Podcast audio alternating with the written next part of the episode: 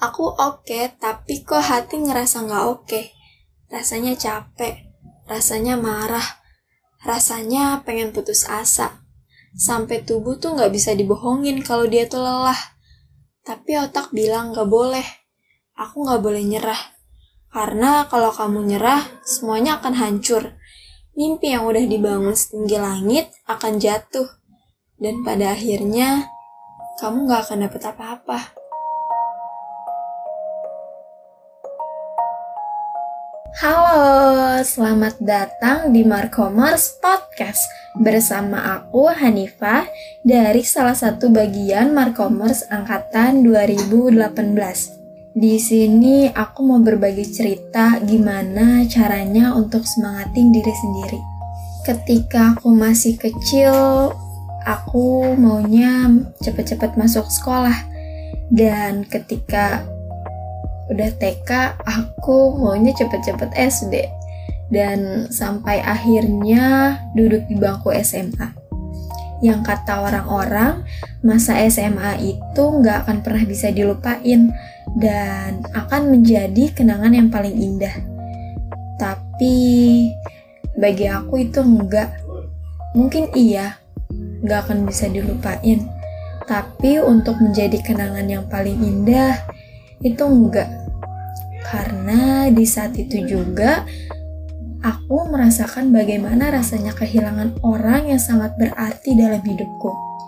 Rasanya hancur, rasanya dunia tuh gak adil, dan rasanya aku jadi gak punya semangat lagi untuk hidup. Tapi aku sadar kalau aku terus-terusan berada di posisi itu, hidup akan terlalu singkat hanya untuk bersedih dalam larut dan aku yakin aku gak akan di sini sekarang nemenin Markomers. Ketika menjadi dewasa, kita semakin mengerti mana yang harusnya kita pilih dan mana yang enggak. Mana yang baik dan mana yang enggak. Mana yang harus diprioritaskan dan mana yang enggak.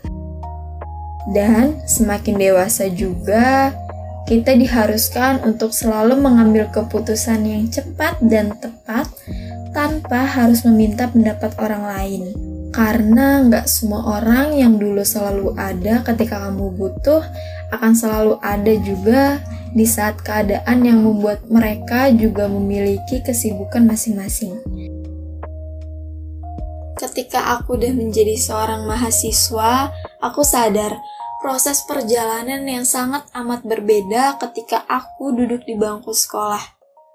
Yang di mana, kalau di sekolah itu guru-guru yang akan selalu ngejar kita buat minta tugas kita, biar kita bisa dapat nilai.